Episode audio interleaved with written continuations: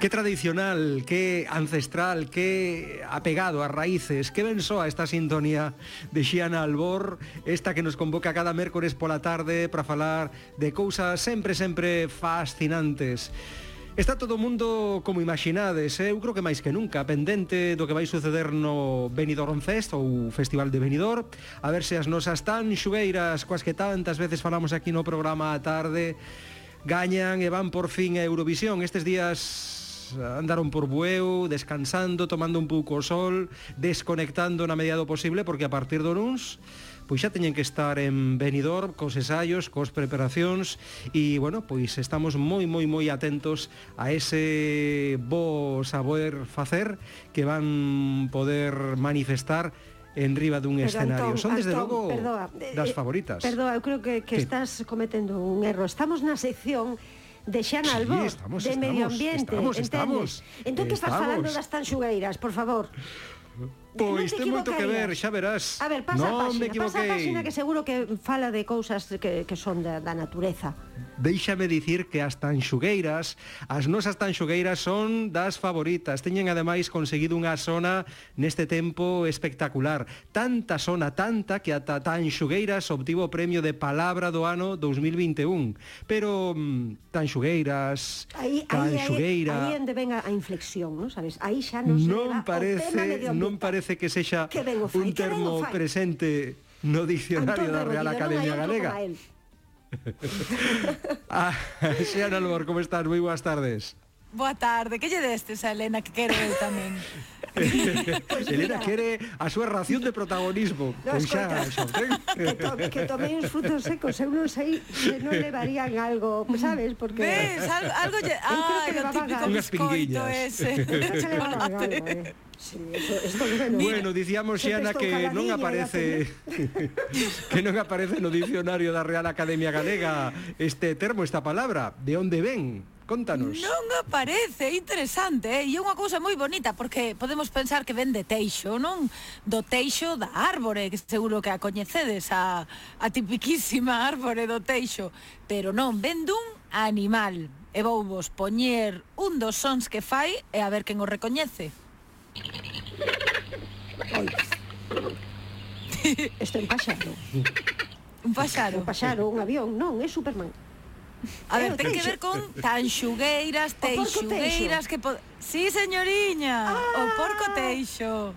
Que ah. había de premio? O porco que o de premio hai un biscoito que che vou facer eu un especial dos vale, que che gustan vale. a ti con cousas ah, por dentro. Correcto, correcto, correcto.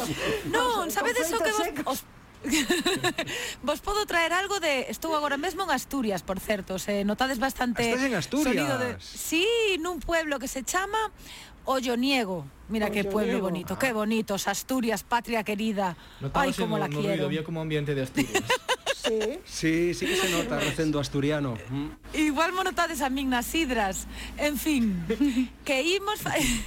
imos falar hoxe deste porco teixo, deste noso animal emblemático, pero eu non vou falar moito porque traio un convidado que de verdad que dá gusto escoitalo e sabe latín. Pois se sabe latín e sabe de, de, de tanxugueiras e de tanxugueiros e de teixugos, vaya, xa está feito. Pois imos saudalos, se che parece, Xana, porque xa anda con nós agardando pola nosa chamada Xosé Pardavila. Ele é biólogo e voceiro do Grupo de Estudo dos Animais Salvaxes, GEAS, tamén é experto en pequenos mamíferos, carnívoros en xeral, e no teixugo en particular. Que tal, Xosé? Moi boas tardes. Hola, boas tardes, que tal? Permíteme a broma, se foras un teixugo e estiveras nunha speed date, unha especie de cita rápida, e tiveras que presentarte en tres palabras, cales escollerías? Pois son eh, discreto, pero eficaz, eh, eh, é moi rabudo e tozudo. moi ben. Pois estiveron moi ben escollidas. Eu con esas porque o porco teixo... conta perfectamente co, de que animal está falando o porco teixo que vive... Eh, e terías unha cita co teixugo, Elena. Ui, eso xa... Eso xa, xa no, como no. amigos, quizá, pero... como parella non. Porco teixo que vive Xosé como? De noite, non? E alimentándose principalmente de que? Pois mira, eh, eh, aínda que os, eh, sexa moi, sorpre, eh, moi sorprendente, cando, aínda que come de todo, cando, cando as hai, cando hai moitas, o que prefire comer miñocas. Miñocas. A pesar de ser un bicho relativamente grande. Pues terá que comer de kilos de miñocas. Sí, sí, come, vamos, eh, como si fora, pues eso, eh, eh, chupa na terra como se si foran espaguetis, tira para diante, para diante, as acanteiras, e enchese o bandullo de miñocas. Mira. Pois, Só hai tres carnívoros sociais na península ibérica. Está o lobo, está o meloncillo e está o teixugo. Que ven significando isto de ser un carnívoro social, Xosé? Vamos a ver, o que significa é que, que viven en sociedades, como poden ser as persoas, no? bueno, salvando as distancias, evidentemente. Entón, eh, eh, son grupos normalmente emparentados de xeito familiar, donde hai un, eh, eh, uns membros dominantes, como no caso dos lobos, que todos entendemos perfectamente o que é un macho alfa, o que é unha femia alfa, eh, bueno, e unha serie de, de acompañantes, non? entonces eh, para ter unha estrutura social, e insisto, volvo outra vez ao caso dos lobos, temo, eh, estos animais o que teñen que estar eh, pois marcándose eh, as xerarquías, eh, marcándose cos, eh, co olor do clan, que é propio do grupo familiar, entonces expulsan a, a, aos, aos, digamos, aos veciños, non? Eh, como se marcan? Porque isto tamén é curioso. Pois eles teñen unha glándula debaixo do, da cola, alrededor do ano, eh, que expulsa unha sustancia, entonces o que fan é eh, constantemente marcan eh, eh, rebozan a, a cola e o cu alrededor de, da pel dos seus compañeiros eh, ese, vamos, uns e outros recoñécense, non? Vaya forma e cando... de socializar, máis curiosa. Bueno, eh, eh, ao fin e ao cabo, o olor é unha das formas con que os mamíferos socializamos máis, ainda que non percibamos, temos hai unha serie de, de partículas odoríferas que, que nos fan, que nos recorda, pois, desde, desde a nosa nai, ata a nosa familia, etc. Non, nos recoñecemos, ainda que ainda que somos bastante máis atrofiados os seres humanos, non? A verdade que sí. Mira, dixo Antón unha palabra que non quero que me pase por alto. Dixeches que os tres carnívoros sociais son o teixugo, que é o protagonista doxe, o lobo e o meloncillo. Sí, sí. É iso que ven sendo. Bueno, meloncillo é como se di eh, en, eh, en España, pero eh, eh, en Galicia, eh, en Portugal, chamase sacarrabos Sacarrabos. Eh, aínda que é unha aínda que é unha aínda que é unha, unha especie que aínda é moi escasa ou casi casi non poderíamos decir que está en Galicia, aínda que parece que parece que está chegando, é o que sería unha mangosta, é, é un pois é un animal de orixe de orixe africano que leva aquí pois é, bueno, cruzou o estreito no seu momento, é, que que entre outras cousas pois vive en sociedades tamén. Mm Vamos, que, unha especie que, invasora logo, Xosé.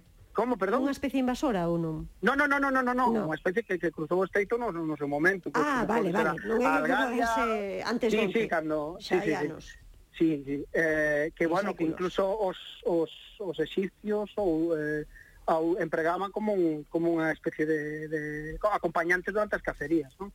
E, bueno, eh, eh, pois pues eso, que, que pois é unha, é unha mangosta. Entón é moi hábil, é capaz de, de botarlle a boca a, a serpes das que lle gusta alimentarse. Bueno, é un bicho bastante descoñecido e bastante coñecido, a ver, porque, bueno, como, o, o ven como como ten así unha mirada un pouco satánica, pois eh, eh, pois eh, devolve un pouco de medo a parte da xente, non? A xente todo que non coñece, pois tenlle medo, pero bueno, nada.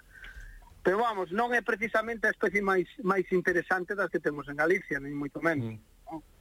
Bueno, por, volvemos por ao Teixugo, se vos parece, eh, eh, e, e falamos sí. un pouquiño eh, isto que estabas comentando, non, de, de vivir en sociedade. Claro, vivindo sí. así todos xuntos precisan dunha boa casa, unha teixugueira en condicións. Como son as teixugueiras, Xosé?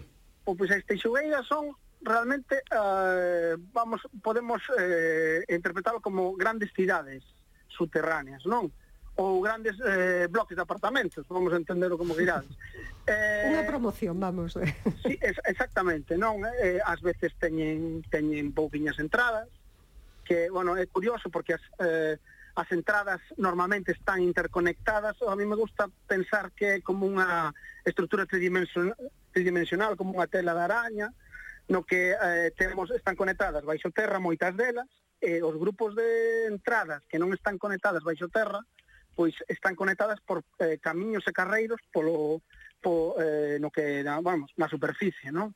Eh, dadevos conta que eh, aínda que ás veces son estruturas relativamente pequenas, pois noutras ocasións, como bueno, en Galicia temos a peculiaridade que temos algunhas moi grandes, posiblemente as máis grandes de Europa, con eh, eh, con cidades de pois 200 entradas eh, ás veces eh, está moi asociado co, cas zonas dos, donde, donde hai castros, non? Eh, porque a, os castros, ao fin e ao cabo, que xeran cidades, non? Eh, eh, pois eh, teñen, o, sobre todo nas zonas da, onde están as, os balos, os balados, os, o, e os fosos perimetrais, suele haber eh, suele haber rochas e restos de, bueno, de materiais que facían que fora máis consistente nos muros, non? Entón, eles utilizan eso para escarbar debaixo e extraendo realmente toneladas de terra ao largo do ano, pois construen as súas madrigueiras, non? Que para eles, para eles posiblemente sexa o seu recurso fundamental. Evidentemente comer é importante, pero para eles o de ter a, a unha casa ben coidada eh, é clave. Agora tamén che vai facer algunha pregunta xa en Albor, pero deixame recordar os que chegaron tarde que estamos conversando con Xosé Pardavila, biólogo, voceiro do Grupo de Estudo dos Animais Salvaxes GEAS, experto en pequenos mamíferos carnívoros en xeral, no Teixugo, que é o noso protagonista hoxe en particular. Adiante, Xana, desde Asturias. Desde Asturias, patria querida Pois, eh, é que a, a min encanta A verdade é que como coñecín a Xosé en persoa Xa son unha enamorada dos teixugos, de verdade eh? E unha das cousas que quero preguntar, mirade, o Teixugo fai un montón de sons diferentes, por exemplo.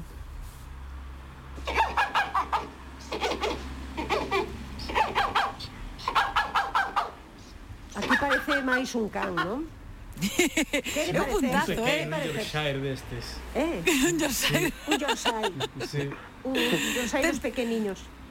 Ten pedigrí, desde logo, pero o caso é que, claro, supoño que terá tantas vocalizacións diferentes, tantos sons, xustamente polo que contaba Xosé de que vive en grandes grupos, se socializa moito. Estes grandes grupos chamanselle clans, clans. Eh, como se organizan estes clans, Xosé? Bueno, pois pues, eh, como decíamos antes, eh, principalmente suele haber un macho, un macho dominante e unha femia dominante, non? Que, eh, que son os que, se as condicións son axeitadas, se reproducen todos os anos. E logo suele haber unha serie de, de, de, de femias que suelen ser ou fillas ou irmás da dominante que se quedan ao largo do seu desenvolvemento ou do seu crecemento mantéñense na casa, non? O que se chama filopatría.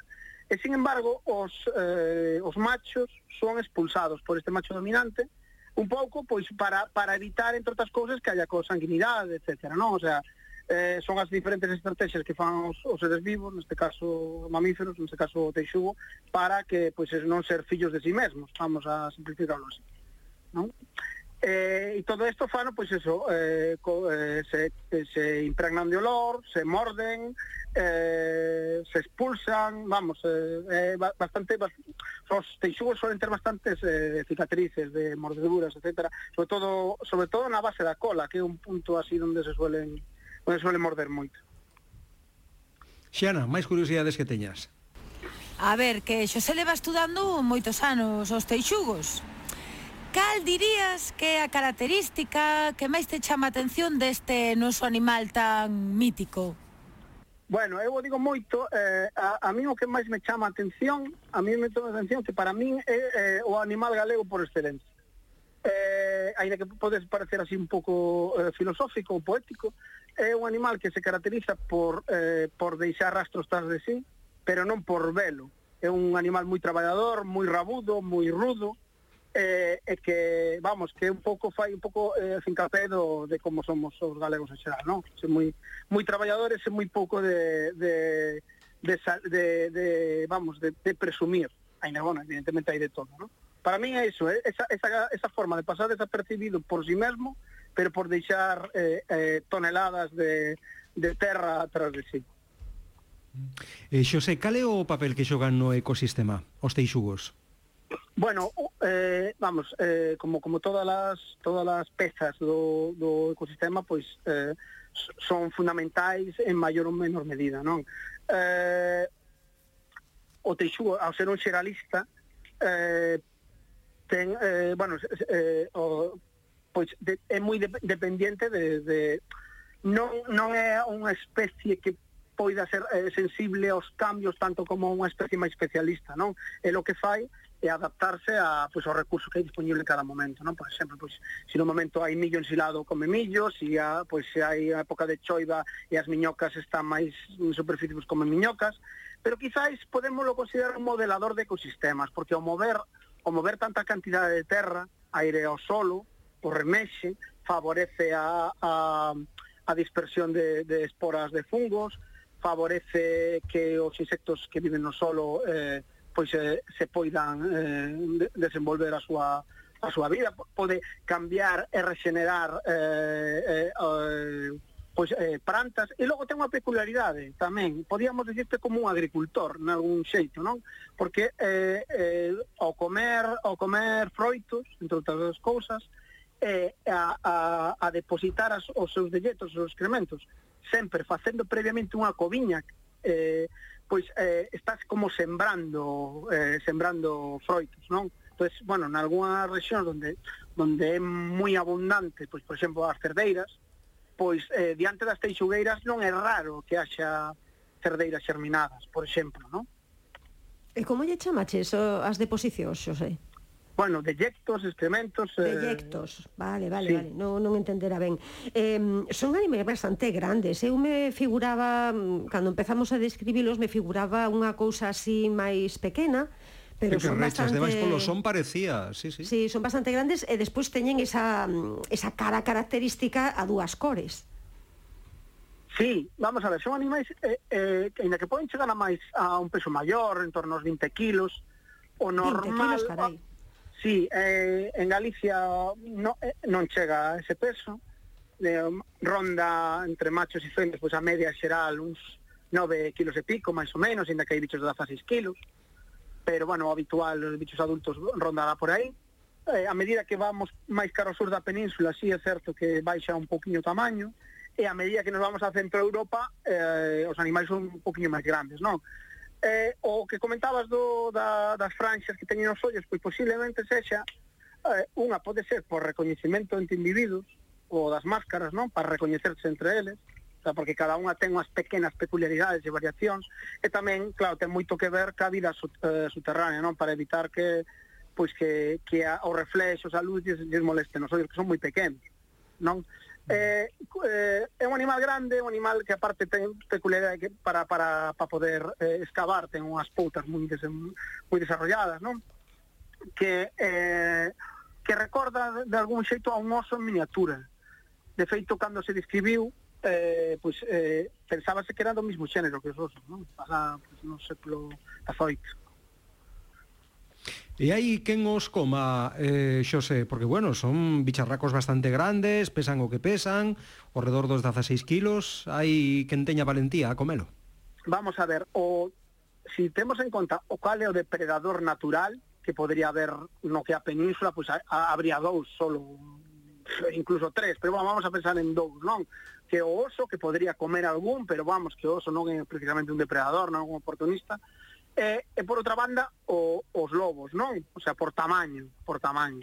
Eh, pero claro, a, na dieta pues, hai un traballo dos anos 80 no, na Serra do Courel que reflexaba que a, que a, a, a porción de teixugo na dieta do lobo pois era menos dun por cento, quero dicir que é casi casi ocasional, e máis, posiblemente non sexa unha depredación, posiblemente sexa un carroñeo outros animais que poden carroñar do, do, dos propios uh, dos teixugos pode ser pues, as grandes rapinas, non? Como a ave real, por exemplo, non?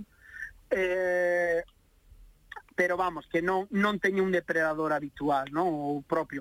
Bueno, aínda así, as persoas, en algunhas ocasións, no pasado principalmente, se eh, utilizábano como alimento, non? Incluso se chegaba a engordar en algunhas regións de Ourense, por exemplo. Mm, debe ser unha carne bastante brava, eh? Bueno, din, din unha vez un carniceiro contoume que, que a carne recordaba a do, a do cordeiro e que se, si lle decías, se si non lle decías a xente colaba, o cual tamén me fixo pensar que a esa carnicería non iba a ir máis. Pero, bueno, é dicir, eh, xa, a carne é unha carne magra, preta, a verdad que non ten mal aspecto, non sei a que sabe, pero pero mal aspecto non ten. Churrasco de teixugo. Eh? Bueno, non sei, ou, ou as, as carrías, eh, carríis de, de Texugo tamén, quen sabe. Tes algunha curiosidade máis por aí desde Asturias, Xana, antes de despedir o noso convidado? Teño da Mar Homero e da Terra o porcoteixo, non? non? Impresionante, pero é que Xosé non vos contou. Eh, el me contou que a xente os cebaba nas cortes e tiñan o porcoteixo cebado como un porco, en fin. Eh, claro, tamén dicía que era antes que había máis fame. Eu teño a curiosidade, a mí me gustou moito como comparou o teixugo o o ser galego, que é verdade que somos un pouco así, que por eso din que os italianos son como españois con marketing. Quizáis nos falta ese rollito, non, en, en concreto en Galicia, pero hai teixugos por toda Europa. Son diferentes os teixugos de Galicia, igual que a nós, do resto dos do continente? Eh, bueno, O texugo é mesmo, a especie é a mesma. De feito, fai relativamente pouco que se separaron... Eh, o Teixugo chegaba desde, vamos a entendernos, desde a Península Ibérica ata Xapón. E fai eh, recientemente separouse en tres especies, non? O que o Teixugo europeo, que sería aos Urais, o Teixugo asiático, que sería desde os Urais ata ata bueno, pois a costa costa eh, eh, oriental de, de, Asia, ¿no? Eh, y luego Teishu japonés, que evidentemente pues estaría en la zona de Japón, ¿no? Eh, ainda que teñen unha morfoloxía eh, prácticamente idéntica, eh, no, en Centro Europa os teixugos son lixeiramente máis grandes que aquí.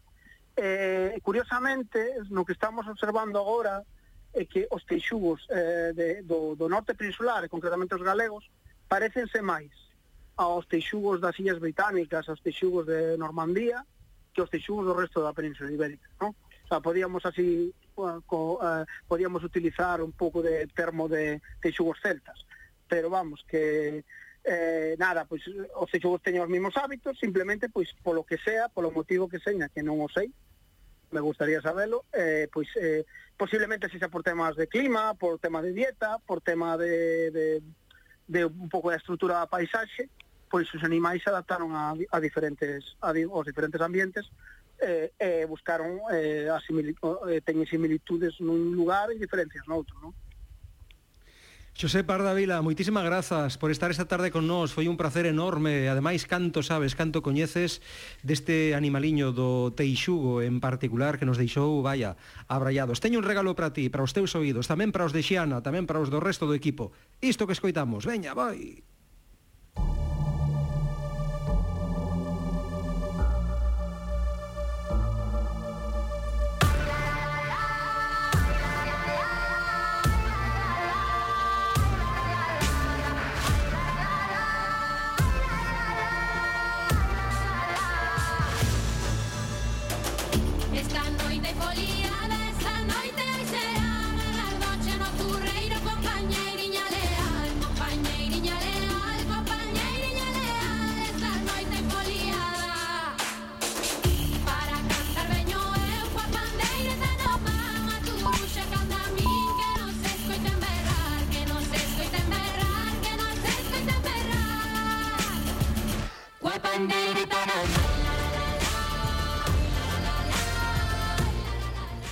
Pois así quixemos rematar con este himno das tan xugueiras que está percorrendo toda España e toda Europa xa e que unha das grandes favoritas para ir ao Festival de Eurovisión en Turín.